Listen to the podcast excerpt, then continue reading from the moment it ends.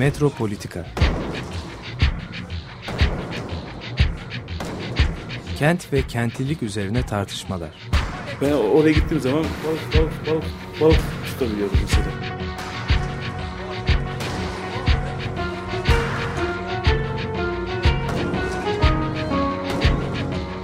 Hazırlayan ve sunanlar Aysim Türkmen ve Deniz Gündoğan İbrişim. Takusuyor yani. Kolay kolay boşaltamadı. Yani elektrikçiler terk etmedi Perşembe Pazarı merkezini.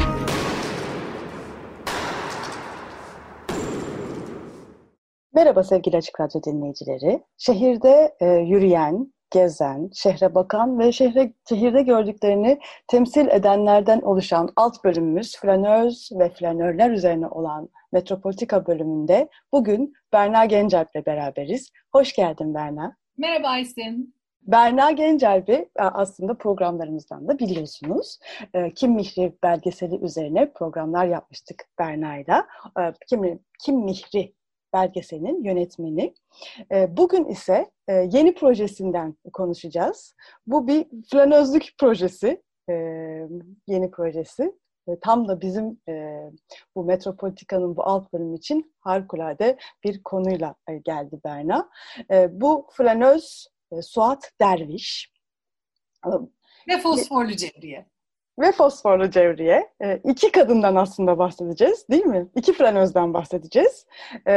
Bir tanesi bir yazar, gazeteci, çevirmen Suat Derviş. Diğeri ise özellikle Yeşilçam'dan popüler olmuş olan fosforlu cevriyemiz. Şimdi uzun uzadıya aslında e, fosforlu cevriyeden bahsedeceğiz ama e, ilk önce şu Suat Derviş'i istersen e, böyle e, her ayrıntısıyla hissedelim, yaşayalım. Onunla beraber e, İstanbul sokaklarına çıkalım. Tabii e, Suat Derviş'ten şöyle bahsedebilirim. Ben tabii bir edebiyat tarihçisi değilim. E, konuyla ilgilenen bir kişiyim. E, nasıl ilgilendiğimi, nasıl ilgilenmeye başladığımı da daha sonra anlatırım ama Suat Derviş'ten kısaca bahsetmek gerekirse e, aslında e, Osmanlı'nın son döneminde doğmuş. E, 1903'te İstanbul'da doğuyor. Ee, ve babası da tıp profesörlerinden İsmail Derviş Bey. Ee, dolayısıyla varlıklı bir ailenin kızı iyi bir eğitim alıyor önce evde. Ee, daha sonra da kız kardeşiyle birlikte Berlin'e gönderiliyorlar konservatuar eğitimi almak üzere. Ama konservatuar eğitimine pek takılmıyor Suat Derviş. Edebiyat ve e, felsefe alanına geçiş yapıyor ve aynı zamanda da Berlin'de gazetecilik yapıyor. E, gazetelere, dergilere yazılar yazmaya başlıyor. Ee, ve 1900 e, yani konservatuvar eğitimine takılmıyor dediğim gibi e, gazetecilik ve diğer edebiyat ve felsefe daha çok ön plana geçiyor hayatında e, ve Türkiye'ye döndükten sonra da bu gazeteciliğe devam ediyor. E, çok çok verimli bir gazetecilik hayatı var yani çok yoğun e, ve e, babasının da belki ölümünün de etkisiyle bilmiyorum ama e, kaleminden para kazanan yani geçimini tamamıyla kal, e, tamamen kalemiyle sağlayan bir yazar, gazeteci ve çevirmen olarak onu aslında anmamız doğru olur. E, ve e, işte e, bir takım kısa öyküler, novellalar, romanlar da yazıyor. Bunlar da gazetelerde o dönemin ruhuna uygun olarak tefrika ediliyorlar. O tefrikalar dönemindeyiz hala aslında Türkiye'de 1970'li yıllara kadar bu romanların tefrika edilmesi devam edecek. E, ve e, o dönemin içinde aslında Suat Derviş de e, yer alıyor. Ee, üç, dört, dört defa evleniyor. Dördüncü eşi e, Reşat Fuat Baraner. E, ve e, ilk Almanya'ya gidişinden sonra orada faşizmin yükselişini görerek bir antifaşist olarak aslında Türkiye'ye geri dönüyor. E, ilerleyen yıllarında da kendini komünist olarak e, adlandırıyor. Yani öyle söylüyor. Ee, ve e, bu e, duruşu, bu siyasi fikirleri ve bunları yazıya geçirmesi ya da yazılarında bunların etkilerinin olması da e, bir yerde onun dönemin ruhuyla uyumsuz olmasına neden oluyor. Çünkü işte Almanya ile bir takım yakınlıkların kurulduğu bir dönem, ulus devletin inşa edilmeye çalışıldığı bir dönem. Oysa başka bir kafa var yani Suat Derviş'te. Bir süre Fransa'da da kalıyor 1953-61 yılları arasında. Yani Türkiye'de artık barınamadığı yıllar oluyor görüşleri nedeniyle. Ve çok davalar açılıyor, peşine düşülüyor vesaire. Ama daha sonra Türkiye'ye geri dönüyor ve 1972 yılında da yine İstanbul'da vefat ediyor.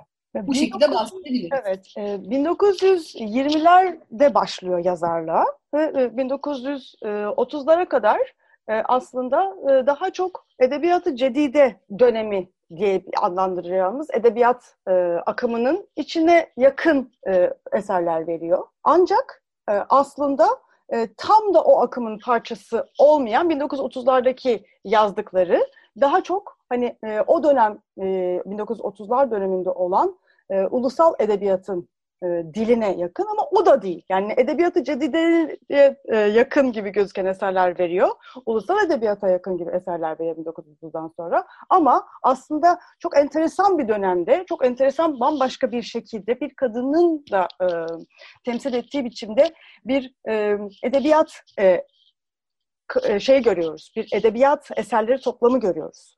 Kendisi 1920'lerde e, yazdığı eserleri aslında o kadar çok öne çıkarmamayı tercih ediyor. Bunun sebebi ne? 1920'lerdeki yazdığı eserler nasıl ve 30'larda nasıl değişiyor? Belli bir bilince ulaşmadan, e, siyasi bilince ulaşmadan önce yazdıklarını e, çok kendisi de dillendirmek istemiyor. Yani ona hani sen şimdiye kadar neler yazmıştın bir hani bize bir e, listeye atar mısın, listeni atar mısın dediklerinde o ilk başta yazdıklarını e, pek o listeye dahil etmek istemiyor. Çünkü o zaman belli bir bilince ulaşmamıştım henüz diyor. E, ve o, o, o dönem yazdıkları da e, şu şekilde tarif ediliyor. Ben de henüz hepsini okumuş değilim. Hepsini şu anda hepsine şu anda ulaşmak da mümkün değil aslında. Yani istesem de özel bir hani şey yapmam lazım onun için. E, piyasada yoklar yani. E, ama o dönem yazdıkları ee, biraz daha e, işte kendi yaşadığı konak hayatı, konak çevresi e, gibi yani hani e, tırnak içinde belki burjuva diyebileceğimiz tam denk gelir mi o tanım onun şeyini bilmiyorum ya aristokrat. ama gibi yani hani Paşa kızı var, sonuçta değil mi? Evet evet yani varlıklı ailelerin hayatından kesitlerin yer aldığı ya da oradan bir takım karakterlerin romanlarına geçtiği şeyler yazıyor daha sonra bunları o kadar e, şey yap sahiplenmek istemiyor. Çünkü gerçekten de hem gazetecilikle hem de bu işte siyasi bilincinin yükselmesiyle e, konu ettiği kişiler, karakterler, ortamlar, mekanlar çok değişiyor ve esas o kısımlarını e, sahipleniyor. Bir de diliyle ilgili şunu söylemek isterim. E, çok duru, çok anlaşılır. Bugün bile hani hiçbir e, çeviriye ya da sadeleştirmeye gerek olmadan okuyabileceğimiz çok rahat bir dili var. E, bunun da gazeteciliğinden geldiğini tahmin ediyorum. Çünkü gazete sonuçta halkın okuması için üretilen şeyler ve gazetelerin içinde yer alıyor onun yazdıkları da. Yani roman da yazsa tefrika olarak gazetede yer alıyor. Dolayısıyla dilinin anlaşılır olması, gazete diline yakın olması çok mantıklı e, ve bu dili de e, ömrü boyunca devam ettiriyor. Bu dille ilgili özellikle hani e, enteresan hani bizim de konumuz hani flanözlük, kentte yürümesi ve kenti temsili açısından bu dilin çok özgün bir şey olduğunu e, düşünüyorum. E, çünkü e, yani e, gazetecilik dilini kullanarak aslında edebiyatın içinde bu dili yeniden yorumlayarak farklı bir üslup e, ortaya koyuyor. Hem o dönemi aslında o ara dereliği yansıtıyor bu hem de kenti e, yansıtıyor. Biraz Ahmet Rasim'de olan bir dilin belki romanlardaki e, iz düşümü gibi de birazcık hani tanımlamaya çalıştığımızda böyle bir şey yapabiliriz ama bu yani bu dille ilgili aslında çalışılması gerekiyor şu anda diye düşünüyorum. Kesinlikle, kesinlikle. Şimdi e, Suat Derviş'te bir e, İstanbullular ya da böyle bir e, e, İstanbul şehrinde yaşayan e, insanların bir panoraması var ya da yani bir yelpaze var ve bu yelpazede e, her e, etnik e, gruptan ya da her sosyoekonomik seviyeden gelen kişiler var.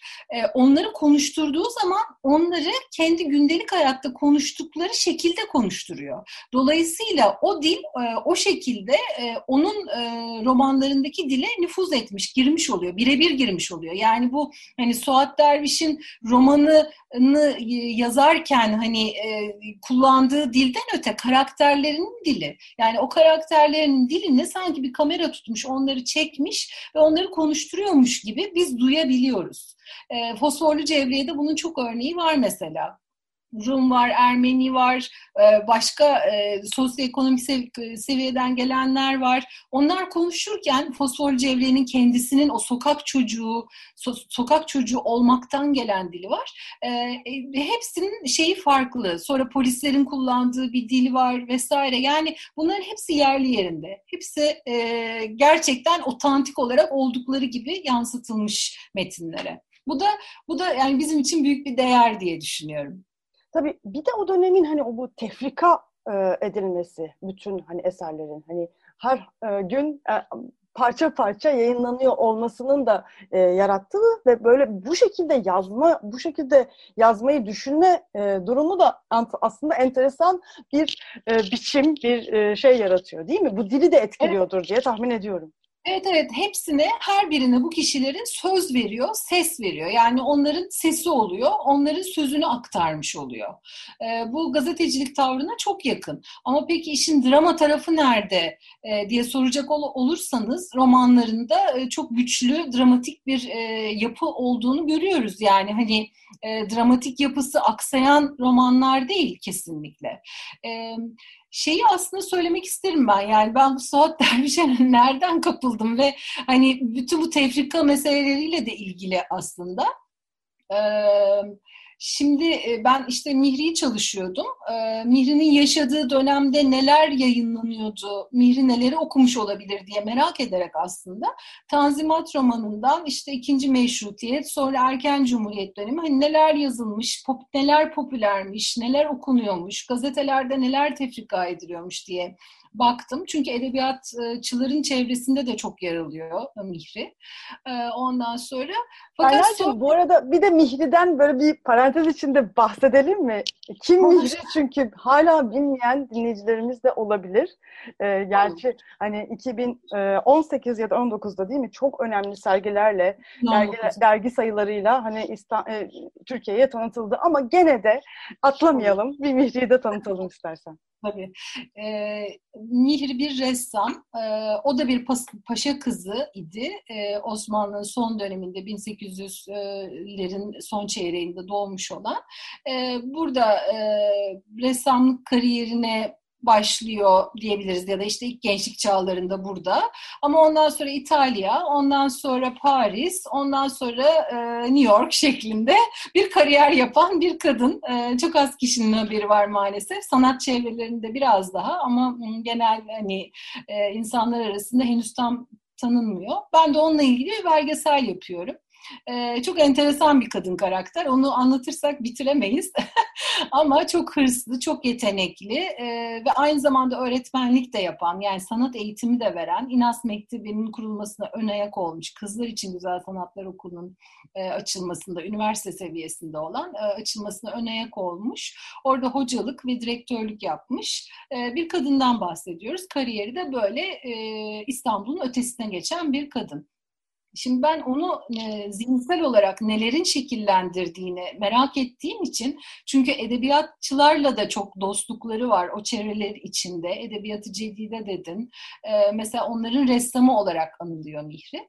E, dolayısıyla ben o dönemin hmm, o dönemde neler yazılıyordu, neler okunuyordu, süreli yayınlar nelerdi, kadın dergileri olsun, Servet Fünun olsun ne vardı ne yoktu diye şöyle bir bakıyordum. E, ve şansıma e, şu son zamanlarda Arada da e, pek çok e, işte günümüz Türkçesine e, çevrilmiş e, eserler yayınlanmaya başladı. E, böyle bunları okumaya başladığım zaman olay aslında Mihri'den koptu. Çünkü ben hani bu dönemin de çok ilginç olduğunu fark ettim kendi içinde. E, ve e, birçok aslında bugün hala haberimiz olmayan yani Halide Edip'ten başka bir şey tanımıyoruz ya da belki Fatıma Aliye'yi bilenler biliyor. Ama bir sürü kadın yazar da çıktı oradan yani. E, dolayısıyla e, daha da ilgimi celbetti. E, daha sonra pandemi döneminde Senem Timuroğlu'nun yürüttüğü feminist klasikleri okuma grubuna katıldım. Ve orada Fosforlu Cevriye'yi okuduk biz ve yani çarpıldım. Çok çok güzeldi. ve diğer Suat Derviş romanlarının da peşine düştüm. Biraz Suat Derviş'in hayatını da anlamaya çalıştım. O nereden çıkmış, nasıl çıkmış, nasıl olmuş diye. E, dolayısıyla e, bu şekilde Suat Derviş'e varmış oldum. E, çok da şanslıydım çünkü aslında çok uzun zaman e, Suat Derviş unutulmuş bir yazar. E, tekrar baskıları yapılmamış kitaplarının pek çoğu eski e, gazetelerin içinde kalmış tefrikaları hani kitap olarak hiç basılmamış vesaire. Şu son dönemde e, tekrar bir Suat Derviş'le ilgili bir ilgi alaka var yükselen. E, mesela e, sen de biliyorsun Yıldızları Seyreden Kadın Suat Derviş Edebiyatı diye bir e, makalelerin toplandığı bir kitap var. E, bu da Yeni, Yüz, Yeni İstanbul Yeni Yüzyıl Üniversitesi'nin düzenlediği 3. Kadın Yazarlar Sempozyumunda yapılan sunumların e, bir araya getirildiği bir kitap. Yani mesela hakkında böyle şeyler yapılıyor Suat Derviş'in. YouTube'da da var ilgilenenler hani ulaşıp e, bu YouTube videolarını izleyebilirler ya da kitaba ulaşabilirler. E, güzel bir e, aslında toparlanma oluyor şu anda Suat Derviş'le ilgili. Bu çok mutluluk verici. E, bu arada Çimen Günay Erkol'un e, tezi var, master tezi var. Bundan da bahsetmek e, önemli olur eğer hani e, ilgi, daha, daha ileri seviyede ilgilenmek isteyen dinleyicilerimiz varsa. Bir de Açık Radyo'da e, Gene Çimen Günay Erkol ile Suat Derviş üzerine Seval Şahin'in yaptığı bir program var. Bunu da podcastlerden e, indirip dinleyebilirsiniz. E, tam e, senin hani bu bahsettiğin yani Suat Derviş'i niye yeni yeni e, öğreniyoruz? Niye bu kadar geç? Niye döneminde bu kadar e, hani e, bugün olduğu kadar öne çıkartılmamış, kanana dahil edilmemesinin sebepleri neler diye belki biraz düşünebiliriz. Kendisini komünist olarak e, konumlandırması, o dönemin politikasına e, aykırı bir şekilde kendisini savunması, görüşlerini savunmasıyla herhalde bağlantılı diye düşünüyorum. O dönemin milliyetçi, ulusalcı, ulusal e, edebiyatının ve politikasının dışında yer almayı göze alan cesur bir kadın. Bununla da bağlantılı olduğunu düşünüyorum. Evet, evet bu böyle düşünülüyor. Ee, özellikle mesela Senem Timuroğlu'nun yine YouTube'da bulunabilecek bu konuda yaptığı bir konuşma var. Ee, Senem Timuroğlu da bir e, edebiyatçı, edebiyat tarihçisi. Ee, o özellikle bunun üstünde duruyor. Yani e, Çimen Hoca da aynı şekilde. Yani birkaç açıdan aslında uyuşmuyor e, Suat Derviş. Uyumsuz yani e, trendlerle diyelim. Zamanının trendleriyle. Ama bu arada da bir değer üretmeye devam ediyor. E, iyi ki de ediyor, etmiş. E, şu anda bize kalmış olan koca bir külliyat var. Biz bu külliyatın aslında çoğuna bile şu anda ulaşabilmiş değiliz. İşte yavaş yavaş ortaya çıkıyor. En son İtaki'den çıkan, peş peşe çıkan kitaplar bu konuda önemli. E, yine 90'lı yıllardan itibaren mesela Zehra Toskan'ın Boğaziçi Üniversitesi'nde e, yaptığı çalışmalar ve onun öğrencilerinin arkasından gelerek yaptığı çalışmalar. Zehra Toskan'ın da e, Kimin Kanonu isimli Boğaziçi etkinliğinde e, bir sunumu oldu. O da YouTube'dan izlenebilir. Çiğdem İlker'in e, Suat Derviş'in romanlarında kadınlar ve yoksulluk üzerine mesela bir çalışması var. Yani Suat Derviş'i aslında tek bir açıdan ele alamıyoruz. Yani çok çok yönlü. Hem gazetecilik, hem işte emek tarihi, hem e, edebiyat, hem kadın olması, kadını sunumu, kadın karakterleri sunumu romanlarında çoğunlukla kadın karakterler ön planda ve onları e, eril bir e, bakış açısıyla bir e, seyir nesnesi gibi kesinlikle sunmuyor. Yani hani kesinlikle sunmuyor. Onların o kadınların biz psikolojisinin derinliklerine girebiliyoruz. Çünkü bize öyle anlatıyor Suat Derviş onları. Bu da çok değerli. Yani pek çok açıdan araştırılacak şey var. Ben de işte yeni yeni bu araştırmaların peşine düşmüş durumdayım. Bizim Suat Derviş'i belki de hani en çok duyduğumuz popüler olarak yaygınlaştırılmış mecra aslında Yeşilçam. Ee, Suat Derviş'in Fosforlu Cevriye e, romanı üzerinden uyarlanmış filmler. Ancak bu filmlerin de enteresan e, bir durumu var. E, ya, maalesef Fosforlu Cevriye sadece neredeyse e, bir kadın karakteri almışlar değil mi? E, ancak filmlerde dönem bozuk. Evet, ağzı bozuk. bir sürü Sokak kızı. Evet, Yeşilçam fosforlu cevreyi almış, bize tanıtmış ama e, yeterince e, bize e, fosforlu cevreyi aslında hissettirmiyor. Dönemi, zaten dönemi hissettirmiyor değil mi? E, sen bunu Evet. çok keyifle anlatıyorsun. E, Yeşilçam'da fosforlu cevreye nasıl yansıtılmış ve Tabii. e, Tabii e, neler şöyle, eksik kalmış? Şimdi ben de Fosforlu Cevriye'yi aslında filmlerden hatırlıyorum. İşte televizyonda oynuyordu. E, Suat Derviş'i o kadar bilmiyordum. E, yani çocukluğumdan bahsediyorum, gençliğimden bahsediyorum. Ondan sonra e, yani bir e, romanı okuyup sonra dönüp o filmlere baktığımda ay inanamadım.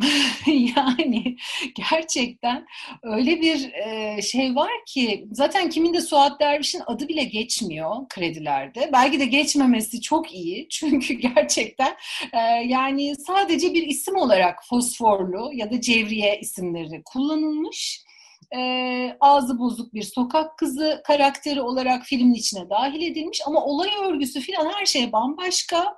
Ondan sonra e, f- mesela romanın geçtiği dönem 1930'lar ama filmlerin hiçbirinde 1930'larda geçmiyor e, filmler. E, onlar hep o film hangi tarihte çekiliyorsa o tarihte geçiyor çünkü daha ucuz. Yeşilçam tabii işin ucuzuna kaçıyor bu anlamda.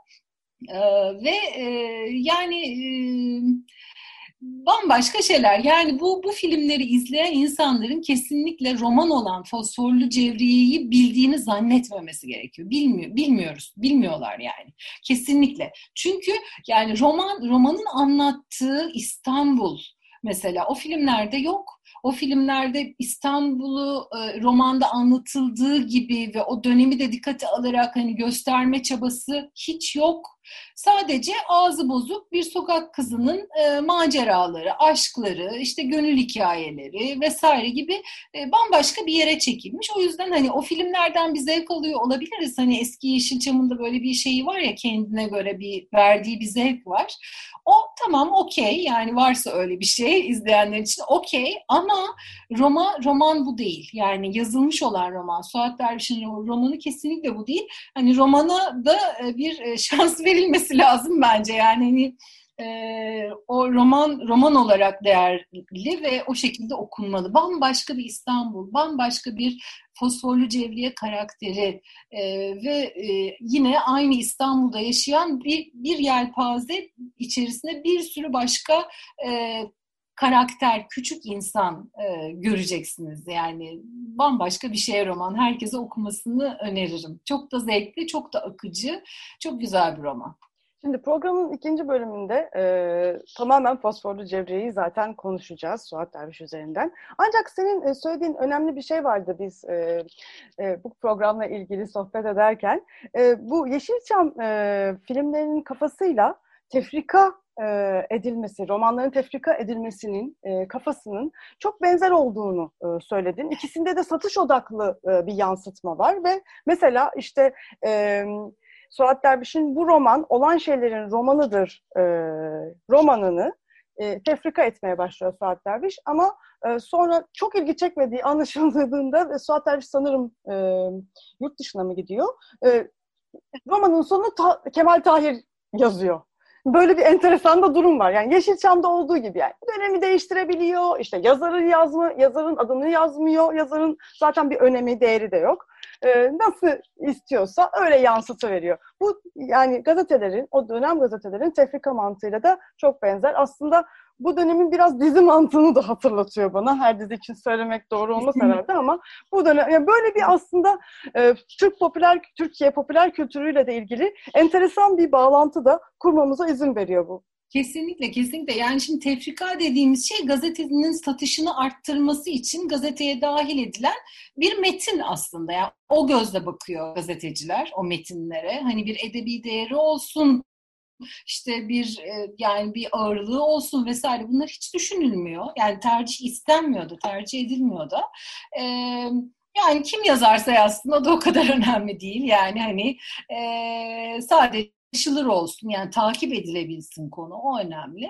Dolayısıyla da hani Suat Derviş başlamış. Ay çok ilgi görmedi. Duruş zaten o seyahate çıkıyordu. Kemal Tahir sonunu getirsin gibi böyle hani normalde bir hani kabul edilemeyecek durumlar yaşanabiliyor. Ee, Suat Derviş de bir aslında gazetecilik faaliyeti için yurt dışına gidiyor ve e, tren yolculuğu boyunca iki defter dolusu o romanın sonunu getirmiş. Ama o arada iş Kemal Tahir'e de verilmiş. Kemal Tahir yazmış, bitirmiş romanı. Hani o şekilde çıkmış gazetede. E, bir yandan bakıldığında çok özensiz bir durum yani saygısızca bir durum bu e, yazar açısından baktığımızda. E, ama Yeşilçam'la benzeyen tarafı yani Yeşilçam'da da böyle yani mesela senaristlere e, bir saygı yok. Aslında hiç kimseye pek fazla bir saygı yok o anlamda. Yeter ki film izlensin, film satsın yani işte dolsun sinemalar filan. Hani gerisi hiç önemli değil yani. Burada da öyle bir kafa var. Ama tefrika bizim aslında roman geleneğimizin karakterini oluşturan da bir şey olmuş. Bunu da ben hani son zamanlarda farkına vardım. Çünkü hep e, başlı başına roman olarak üretilmediği, kitap kitap olarak üretilmediği ve tefrika etmek üzere üretildiği için e, bunun avantajları ve dezavantajları var. Mesela sürükleyici olmak zorunda ve sürükleyiciler. Yani ben o tefrika sadeleştirilmiş, günümüz Türkçesine çevrilmiş pek çok tefrika okudum şu son dönemde. Yani hani bir sürü şey söyleyebilirsiniz ama ay bu hiç sürükleyici değil diyemezsiniz. Olaylar olayları kovalıyor. Yani hani bırakamıyorsun. Hani okuyorsun, okuyorsun, okuyorsun. Sonunu merak ediyorsun. Merak uyandırıyor. Ee, bu da bir, bir, bir kendine has bir kalite getiriyor tabii. Yani kalite derken bir özellik veriyor e, bu romanlara. E, Suat Derviş'in de romanlarında bu özellik geçerli. Hani bunu özellikle üstüne basa basa söylüyorum ki hani insanlar okumaktan korkmasınlar. Tam tersi ellerine aldıklarında bırakamayacaklar. Onu belirtmek istiyorum. E, ama bu roman olan şeylerin romanıdır. E, romanının başına gelenler gerçekten e, çok ilginç. Ama şehir açısından bakacak olursak olursak Aysim, hani bu programın da özelliği açısından e, İstanbul'un işçi mahallesi olan Edirne Kapı civarında geçiyor mesela. Ve e, yine İtaki yayınlarında Menekşe Toprak bir giriş yazısı yazmış. E, orada diyor ki Derviş 1930'ların yoksulluğunu İstanbul'un işçi mahallesi olan Edirne Kapı civarını öyle sahici anlatır, öyle çarpıcı resmeder ki yer yer Emil Zola'nın Germinal romanındaki maden işçilerini bazen de John Steinbeck'in bu romandan iki yıl sonra yayımlanan gazap üzümlerindeki mevsimlik işçileri görür gibi olursunuz diyor Menekşe Toprak. Ee, yani e, işte Suat Derviş'in e, neler, ne, nerelerde derinleştiğini ya da nerelere odaklandığını anlamamıza, kavramamıza çok yardımcı olan e, satırlar bunlar. Bir yandan şehri, Edirne Kapı civarını bize gösteriyor ama bir yandan da e, oradaki karakterleri bize tanıtıyor. Mesela fabrika tarifiyle başlayan romanda ana karakterler kadın işçiler, işsiz kadınlar. Onların hem işte hem evdeki sorunlarını anlatıyor mesela bu roman. Değil mi? Böyle bir kombinasyon kolay mı? Yani ne güzel bir kombinasyon. Yani bu roman okunası bir roman bugün bile. Çünkü bu dertler devam ediyor. Ee, başka romanları da var. İstersen azıcık onlardan da bahsedelim. Yine böyle İstanbul ve şeyle ilgili, e, semtleriyle ilgili. Mesela adından başlayarak Aksaray'dan bir Perihan. Perihan Aksaray'da yetişmiş, kaba, sınıf atlama hevesi içinde olan ve bu sınıf atlama çabasını eşi Nuri ile para üzerinden gerçekleştiren bir kadındır. Nuri ise saraylı bir aileden gelen, Perihan'ın kontrolünde yaşayan, hiçbir şeye ses çıkarmayan, her türlü ahlaksız davranışı bile kabul eden bir adamdır. İlginç yani merak edersin bunu yani. Ee, şimdi e, bu Gece Postası diye bir gazetede tefrika edilmiş. E, ve Perihan karakteri üzerinden e, Suat Derviş zenginleşen ama bir taraftan da yoz, yozlaşmakta olan toplumu eleştirmiş. Yani eleştirel bir bakışı var. Her ne kadar küçük insanların, fakir insanların, e, işte işçilerin vesairenin hayatını anlatıyor olsa da sanırım Suat Derviş'teki en e, okuma tadı veren şeylerden bir tanesi de e, hiçbir şeyi fazla e, yüceleştirmiyor olması. Yani onları e, onları günlük dertleri, sıkıntıları içinde günlük bazen çevirdikleri üç kağıtlar içerisinde çok gerçekçi bir şekilde anlatıyor. E, yargılamadan da anlatıyor bu arada. Yine bir tane daha romandan bahsetmek istiyorum. E, Fosforlu Cevriye'ye geçmeden önce. İstanbul'un bir gecesi Burada sıradan bir gece İstanbul'da fakat farklı sınıftan insanlar farklı geceler yaşıyorlar aynı şehrin içinde. Çok pardon. Ee, bir anda tek seferde giyeceği bir elbiseye servet ödeyen bir kadın. Diğer tarafta da oğluna kan parası bulmak için bedenini satan veremli bir anne var. Ee, 1930'ların sonunda tefrika edilmiş. Ee, ve e, onunla ilgili mesela Çimen Güne, Günay Erkol'un e, şöyle cümlelerine rastladım. Henüz sınıflar arasındaki makasın son derecelerine kadar açılmadığı 1930'larda Suat Derviş, İstanbul'un bir gecesiyle Adalet Ağaoğlu'nun bir düğün gecesi romanıyla 1970'lerde yaptığının bir benzerini yapar. Yazar bir düğün etrafında Türkiye'nin çarpık e, kapitalistleşmesinin gündelik tarihini sunar diyor Çimen Hoca. Bunlar çok güzel ilişkiler. Yani e, Adalet Ağoğlu'na bir anda gidebiliyoruz, bir karşılaştırma yapabiliyoruz. Bunun 1930'ların sonundaki bir versiyonuyla, yani versiyonu demeyeyim ama hani benzer bir ortam içinde geçen ya da bir akış içerisinde geçen e, bir şeyle karşılaşıyoruz. O zaman nasıl oluyordu mesela bu düğünler, nasıl hazırlanılıyordu vesaire bu karşılaştırmaları yapabiliyoruz. E, çok zengin yani Suat Derviş'in bize verdiği malzeme. Çok okuması. Başka buradan e, belki çevirilerden biraz bahsedebiliriz Aysim. Sen biraz bahsetmek ister misin? E, kesinlikle isterim. Yalnız bir kısa müzik arası verelim istersen. E, bir de hissedelim e, bu fosforlu cevriyemizi. E, özellikle programın ikinci bölümünde Suat Derviş'in Fosforlu Cevriye romanından konuşacağız. E, flanöz ve flanörlükle ilgili olan bu programımızda. E, şimdi e, Karakolda Ayna Var e, Kalan Müzik'ten yayınlanmış Yeşilçam Şarkıları albümünün parçası olan bu parçayı dinliyoruz. Belkıs Özener seslendiriyor. Evet, Belkıs Özener'den dinledik. Karakolda Ayna Var. Fosforlu Cevriye film müziklerinden e, Kalan Müzik Yeşilçam Şarkıları albümünde e, yer alan e, bu parçayı dinledik. Berna Gencelp, e, belgesel yönetmeni Berna Gencelp'le Suat Derviş üzerine konuşuyoruz ve programın bu bölümünde özellikle Fosforlu Cevriye, Suat Derviş'in Fosforlu Cevriye romanı üzerine konuşacağız. Buradaki Suat Derviş'ten konuştuktan sonra şimdi karakterimiz Fosforlu Cevriye. belki bir kısa çeviriden bahsetmek iyi olabilir çevirilerinden bahsetmek il, ilginç olabilir. Çünkü bir sürü kendisinin çevirdiği romanlar e, ve e, eserler olması yanında kendi yazdığı romanlarda çeşitli dillere e, çevrilmiş. Bu çevirilerden bir tanesi de In the Shadow of the Yalı. Bu e, bu çeviriyi Maureen Freely yapmış, İngilizceye çevrilmiş. E, farklı dillerde de e, bu Suat Derviş'in romanlarını bulmamızın imkanı var. Ama istersen şimdi hazır Karakolda Ayna Varında atmosferiyle Fosforlu Cevriye'yi bize biraz anlatır mısın? Tabii. Vallahi çok güzel roman. Okumayan okusun. Bunu artık kaç defa söyleyeceğim bu programda bilmiyorum ama. Ee, Şöyle 1944-45'te tefrika edilmiş ilk defa. Sonra 1968 yılında Man yayınları tarafından yayınlan, yayınlanmış. E, romana kaynaklık eden şarkıyı biraz önce dinledik. E, bu şarkıyı yazan kişi Zeki Duygulu diye bir besteci. 1907 doğumlu. Yani bunu şunun için söylüyorum. Suat Derviş'in akranı.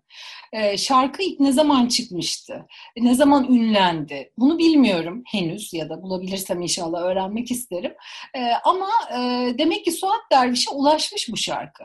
Ve bu şarkının içinde geçen aslında dört e, e, cümle öbeğim diyeyim artık, kelime öbeğim diyeyim. Bunları romanın bölümlerinin ara başlıkları haline getirmiş. Şimdi onlardan bahsedeceğim. Ama oraya gelmeden önce e, romanın e, bu 1968 baskısından sonra e, tiyatroya, e, tiyatro eseri olarak sahnelendiğini söylemem lazım. Gürciz Sururi'ye vermiş Suat Derviş. Fakat e, 1972'de e, vefat ediyor Suat Derviş ve e, göremiyor yani nasıl bir nasıl bir şekilde sahnelendiğini. Gürciz Sururi 2008 yılında e, bunu sahneye koymayı başarıyor. Ankara Devlet Tiyatrosu'nda e, Gürciz Sururi yönetiminde sahneye konuluyor bir müzikal olarak. Daha sonra 2015 yılında Tiyatro Kare tarafından müzikal olarak tekrar sahneye konuluyor. Ee, başrolünde Ayça Varlar var, Fosforlu rolünde. Ve 2016'da sadece Alışık Tiyatro Ödülleri'nde yılın en başarılı müzikal komedi kadın oyuncusu seçiliyor Ayça Varlar. Ee, Ayça Varlar ayrıca Storytel'de Fos Fosforlu Celliye romanını e, sesli roman haline getirmiş. Onun sesinden dinleyebilirsiniz. Ee, böyle roman dinlemeyi sevenler için bunu bu bilgiyi vermek istiyorum. Çok güzel bir okuma yapmış. Ben dinledim. Çünkü zaten hani eseri de sahneye koyduğu için e, çok hissetmiş yani. Ve biraz önce bahsettiğimiz o romanın içindeki değişik e, etnik e, köklerden gelen karakterlerin e, dillerini de yansıtarak yani fosforluyu da kimi zaman o bıçkın halleriyle yani oynayarak okumuş. Dinlemesi çok keyifli. Bunu söylemek isterim. E, filmler konusunda daha sonra tabii pek çok filme, pek çok defa filme uyarlandın ve bunların hiçbirinin de aslında gerçekten e, romanla bir alakası olmadığını zaten söyledik. E, ama sadibey.com e, sitesinde Orhan Ünser'in bir yazısı var, çok kapsamlı.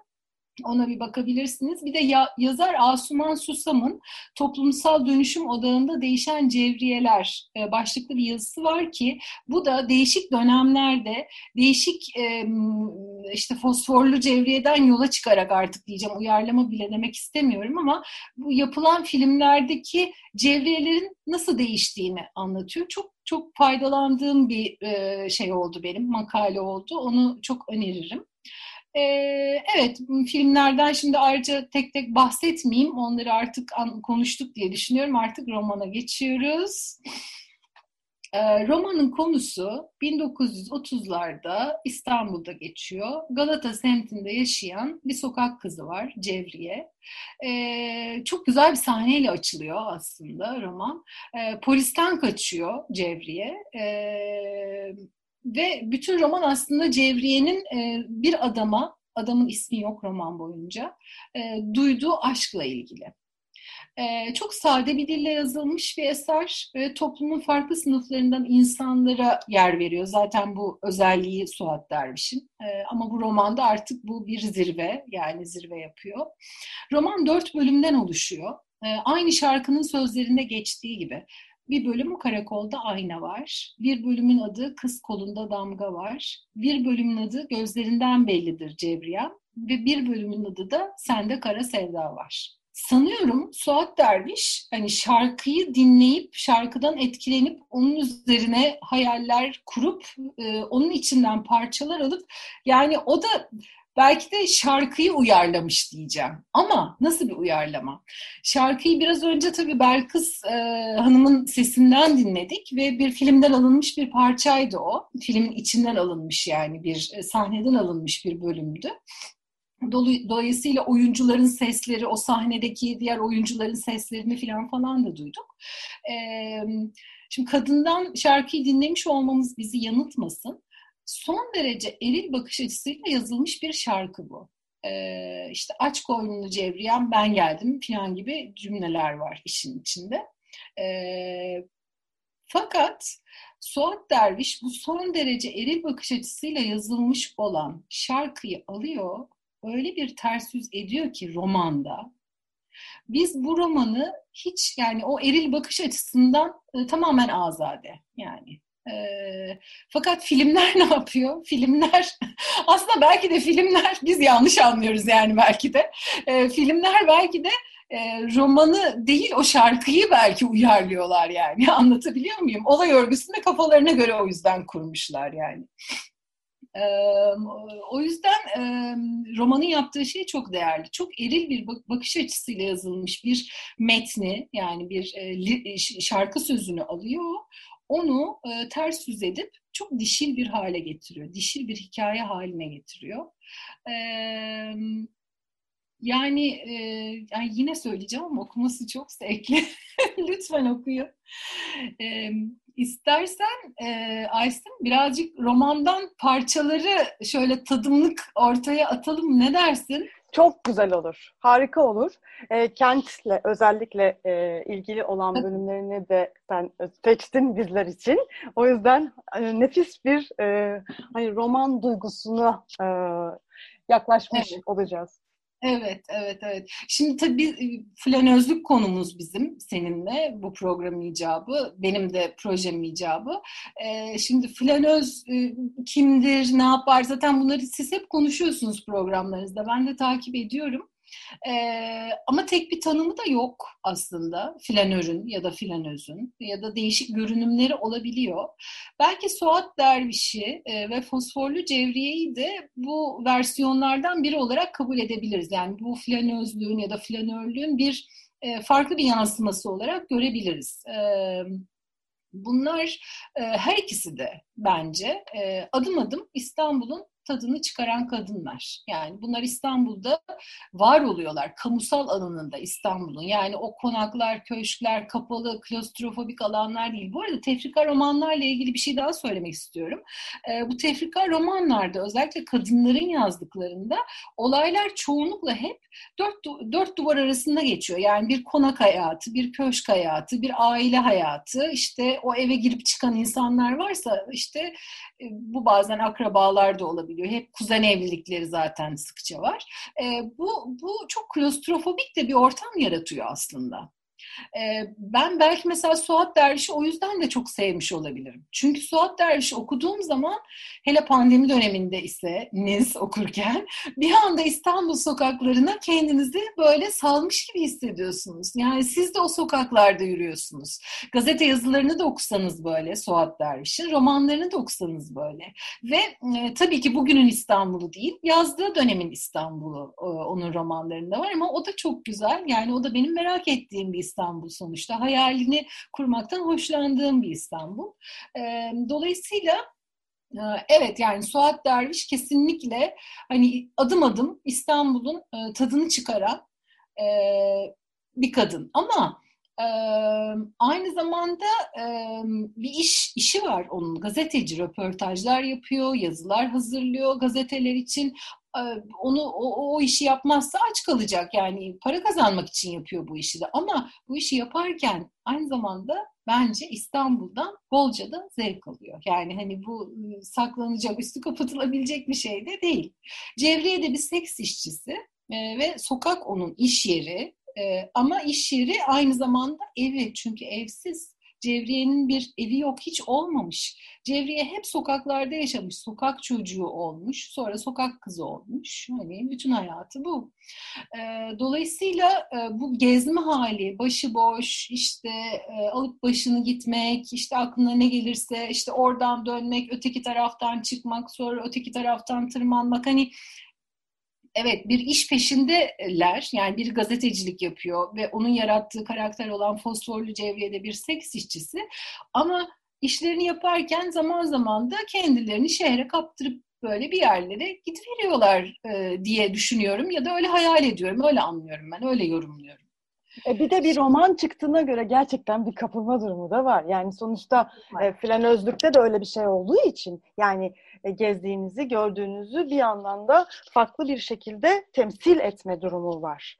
E, adım adım gezerken, yürürken şehirde aynı zamanda bunu bir temsil kaygısı e, güdüyorsunuz. E zaten bir roman çıkıyor bunun e, e, şeyinde şiir Baudelaire'in işte şiir yazdığı gibi şehrin şiirlerini yazdığı gibi e, Suat Derviş de İstanbul'un romanlarını yazmış Cevriye'miz evet. üzerinden. Evet, evet. Mesela şimdi e, romanın ilk açılış e, sayfalarında olan bir şey okuyacağım. Ee, şöyle, Cevriye hapse düşmüş bir yıl kadar, hapiste kalmış dört duvar arasında. Ee, sonra Bolu'ya sürgüne gönderiliyor fakat o noktada kaçıyor. Bolu'dan İstanbul'a geri geliyor ve düşünün ki bu dönüş işte bir sene, bir seneden uzun bir zamandan sonra bir dönüş. Ve aslında döndüğü zaman en olmaması gereken şey bir daha polise yakalanmak. Çünkü yakalanırsa aa bunun Bolu'da olması gerekiyor deyip onu tekrar Bolu'ya gönderecekler ve uzayacak belki oradaki sürgün hayatı da. E, dolayısıyla e, İstanbul'a varıyor ama gidip bir, bir yere bir sinmesi yani hani saklanması lazım. Fakat o öyle yapmıyor. Şimdi buradan okuyorum romandan ben. Kabahat hep kendisinde olmuştu. Hep kendisinde. Ortalarda dolaşmaya ne lüzum vardı? Gece karanlık basıncaya kadar gidip bir yere büzülmek, bir yere saklanmak, sokaklarda dolaşmak icap ediyordu. Halbuki o bunu yapamamıştı. Bilakis aynı saatte bütün İstanbul'u görebilmek için gitmediği yer kalmamıştı, diyor e, Suat Derviş. Fosforlu Cevriye için. Ve ondan sonra bir rota veriyor. Bak çok hoş. Şimdi e, şeyin kafasını anlayabiliriz yani. Nasıl da e, şey özlemiş İstanbul'u böyle bir her tarafını yoklamak istiyor yani. Ben öyle anlıyorum. Okuyorum buradan şimdi tekrar. Alıntı yapıyorum. Evvela Beyoğlu'nda çıkmıştı. Tarla başından geçmiş, Taksim meydanına gelmiş, abidenin önünde biraz gezinmiş, sonra İnön, İnönü gezisinde tahta kanepelerin üstünde oturmuş, gümüş suyundan aşağıya dolma bahçeye inmiş, yeni açılan yoldan Harbiye'nin yanına çıkınca tekrar Taşkışla'nın oralarda şöyle bir dinlendikten sonra İnönü'nün gezisine, İnönü gezisine gelmiş ve tepe üstünden aşağıya Yenişehir'e doğru bir gitmiş fakat sonra tekrar geriye dönmüştü. Bu yapılır şey değildi. Kendisi de biliyordu ama dayanamamıştı. Bir sene mahpustu. Bir sene baldırlarında, kaldırımlarda gayesiz ve hedefsiz koşmak hasreti karıncalanarak demir kapıların arkasında, demir parmakların ötesinde oturmuştu. İçine de oturmuş değil mi? Yani o kapalı kal. yani böyle yani hani o kavuşma yani resmen İstanbul'u kucaklıyor, kucaklamalara doyamıyor. Bir oradan kucaklıyor, gidiyor buradan kucak, kucaklama diyorum ben buna artık yani. Bu bir kucaklamadır. Bu çok etkili e, gelmişti bana. Ee, ee, senin de... gene sözünü söylemek istiyorum. İştahla kucaklıyor. İştahı var şey. Aynen, evet evet aynen iştahla kucaklıyor. Ee, sonra İstanbul'un evi olduğuna dair e, birkaç cümle okumak istiyorum. Ee, yine okuyorum şu anda. O Galata'yı avucunun içi gibi tanırdı. İstanbul onun kendi malikanesi gibi bir şeydi. Hay- hayatı bütün bu sokaklarda geçtiği için bu şehrin tanımadığı köşesi bucağı yoktu. Çok net değil mi? E, evi burada, malikane hatta. Yani evi değil malikanesi. Tabii yani İstanbul yani hani başka bir şehir için belki burası benim evim. Ama İstanbul olunca bir ihtişam olması gerekiyor. Malikane e, haklı. E, çünkü İstanbul'un sunduğu öyle şeyler var ki şimdi birazcık oralara girelim isterseniz e, şeylerden yine böyle e, küçük küçük ee, daha doğrusu Suat Derviş e, Fosforlu Cevri'nin çocukluğunu anlatıyor. Diyor ki, alıntılıyorum. Çocukluğundan beri dilenci çocuk, köprü altı çocuğu, sokak süprüntüsü, en adi fahişe, sürtük telakki edilmişti diyor mesela e, şehvani hırslarını tatmin etmek isteyen isimsiz hatta çehresiz insanlar kendisine yanaşır da birçok defa bu tanışmalar karanlık bir sokak köşesinde başlar, karanlık bir yangın yerinde biterdi diyor. Sonra şöyle devam ediyor, atlıyorum. O herkes için, seven ve sevmeyenler için, hatta Barba için, Barba e, böyle çok e, yakınlığını, iyiliğini gördüğü bir meyhaneci. Hatta Barba için bile fosforlu cevriyeydi. Karakolda fosforluydu. Sokakta, meyhanede, yangın yerlerinde, ahır kapı mağaralarında, tekfur sarayı harabelerinde, çeşme meydanında, her yerde, her yerde fosforlu cevriye diye anılır ve öyle muamele görürdü. Sayılan... Ben, aklıma gelen şey ya fosfor bana nedense İstanbul'da denizi ve balığı da hatırlattı. Yani sanki yüzüyormuş gibi değil mi? Yani bütün şehirde Öyle. sanki yüzüyormuş gibi, yürüyormuş değil, yüzüyormuş bir balık gibi, şehrin balığı gibi anlatmış. Evet.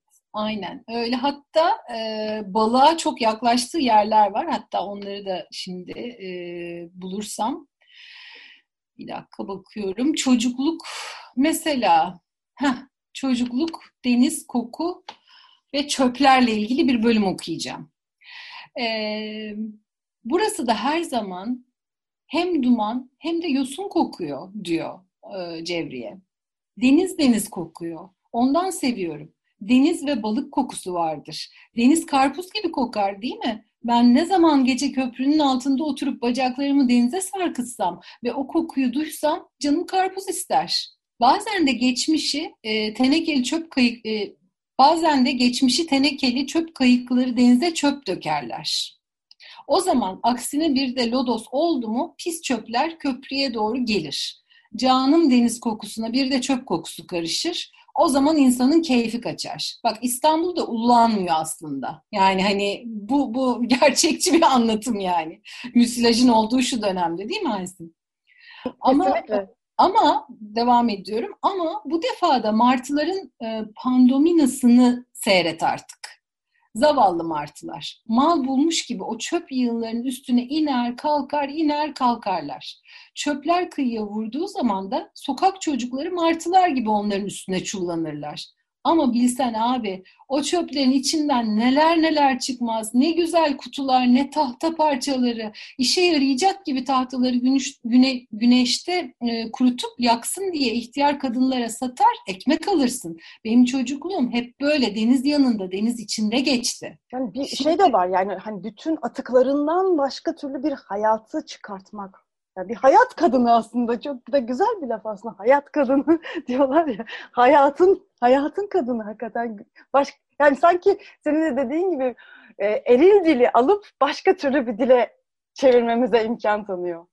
Evet, evet, evet, evet. Yani e, mesela martılarla bir anda çocuklar özdeşleşti. O martılar nasıl o çöplere saldırıyorsa.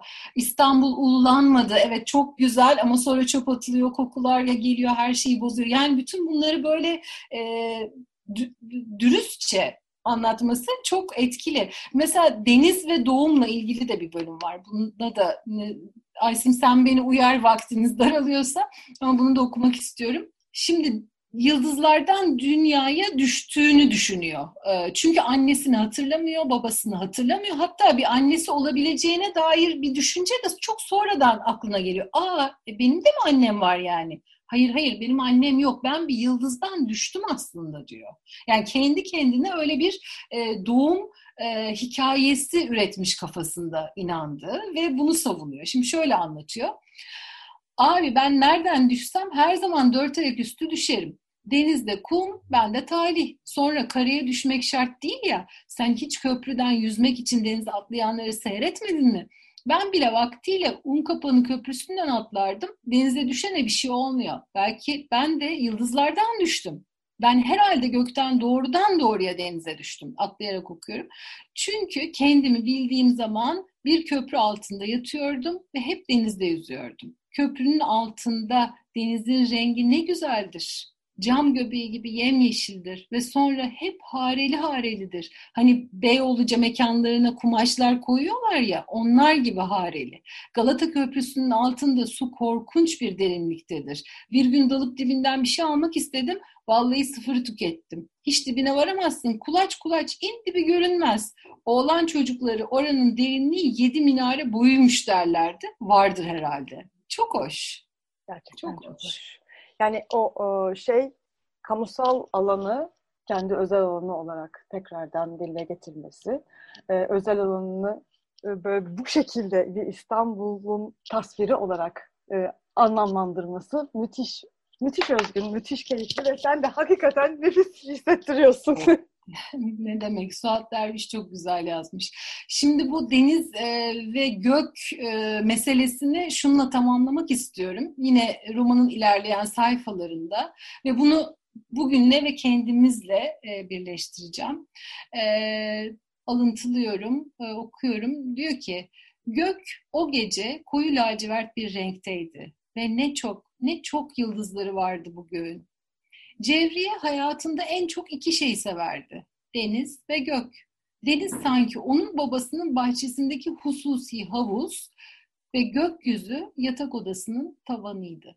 Yine ev metaforuna geldik aslında ev, yuva ve şehri öyle bir sahipleniyor ki artık işte denizde onun, gökte onun, belki de Suat Derviş'in ve Fosforlu Cevriye'nin bir kadını okur olarak beni bu kadar etkilemesinin bir sebebi de benim e, hiçbir zaman e, denizi ve gökyüzünü hani bu kadar e, kendime ait, kendime dahil e, hissetmemiş olmam. Yani e, zaten paylaştığımız bir şey tabii ki bütün dünyanın geri kalanıyla ama e, sanki hep daha az bizim gibi gelmişti bana. Ama burada böyle bir karakterin bunu böyle anlatması e, ya evet ya bu da ne güzel bir kafa. Evet böyle olabilir. Biraz da böyle hissetsek aslında.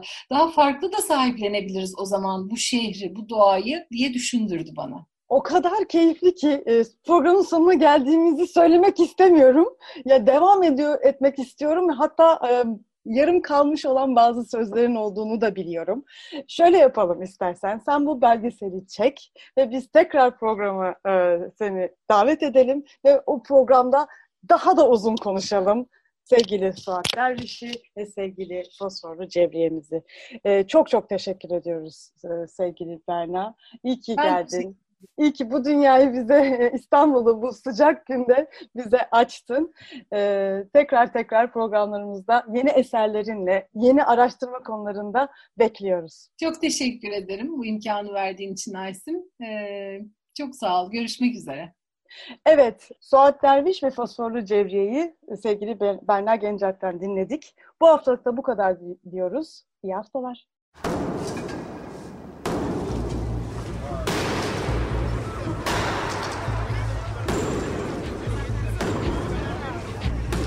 Metropolitika Kent ve kentlilik üzerine tartışmalar. Ben oraya gittiğim zaman balık balık balık balık tutabiliyorum mesela.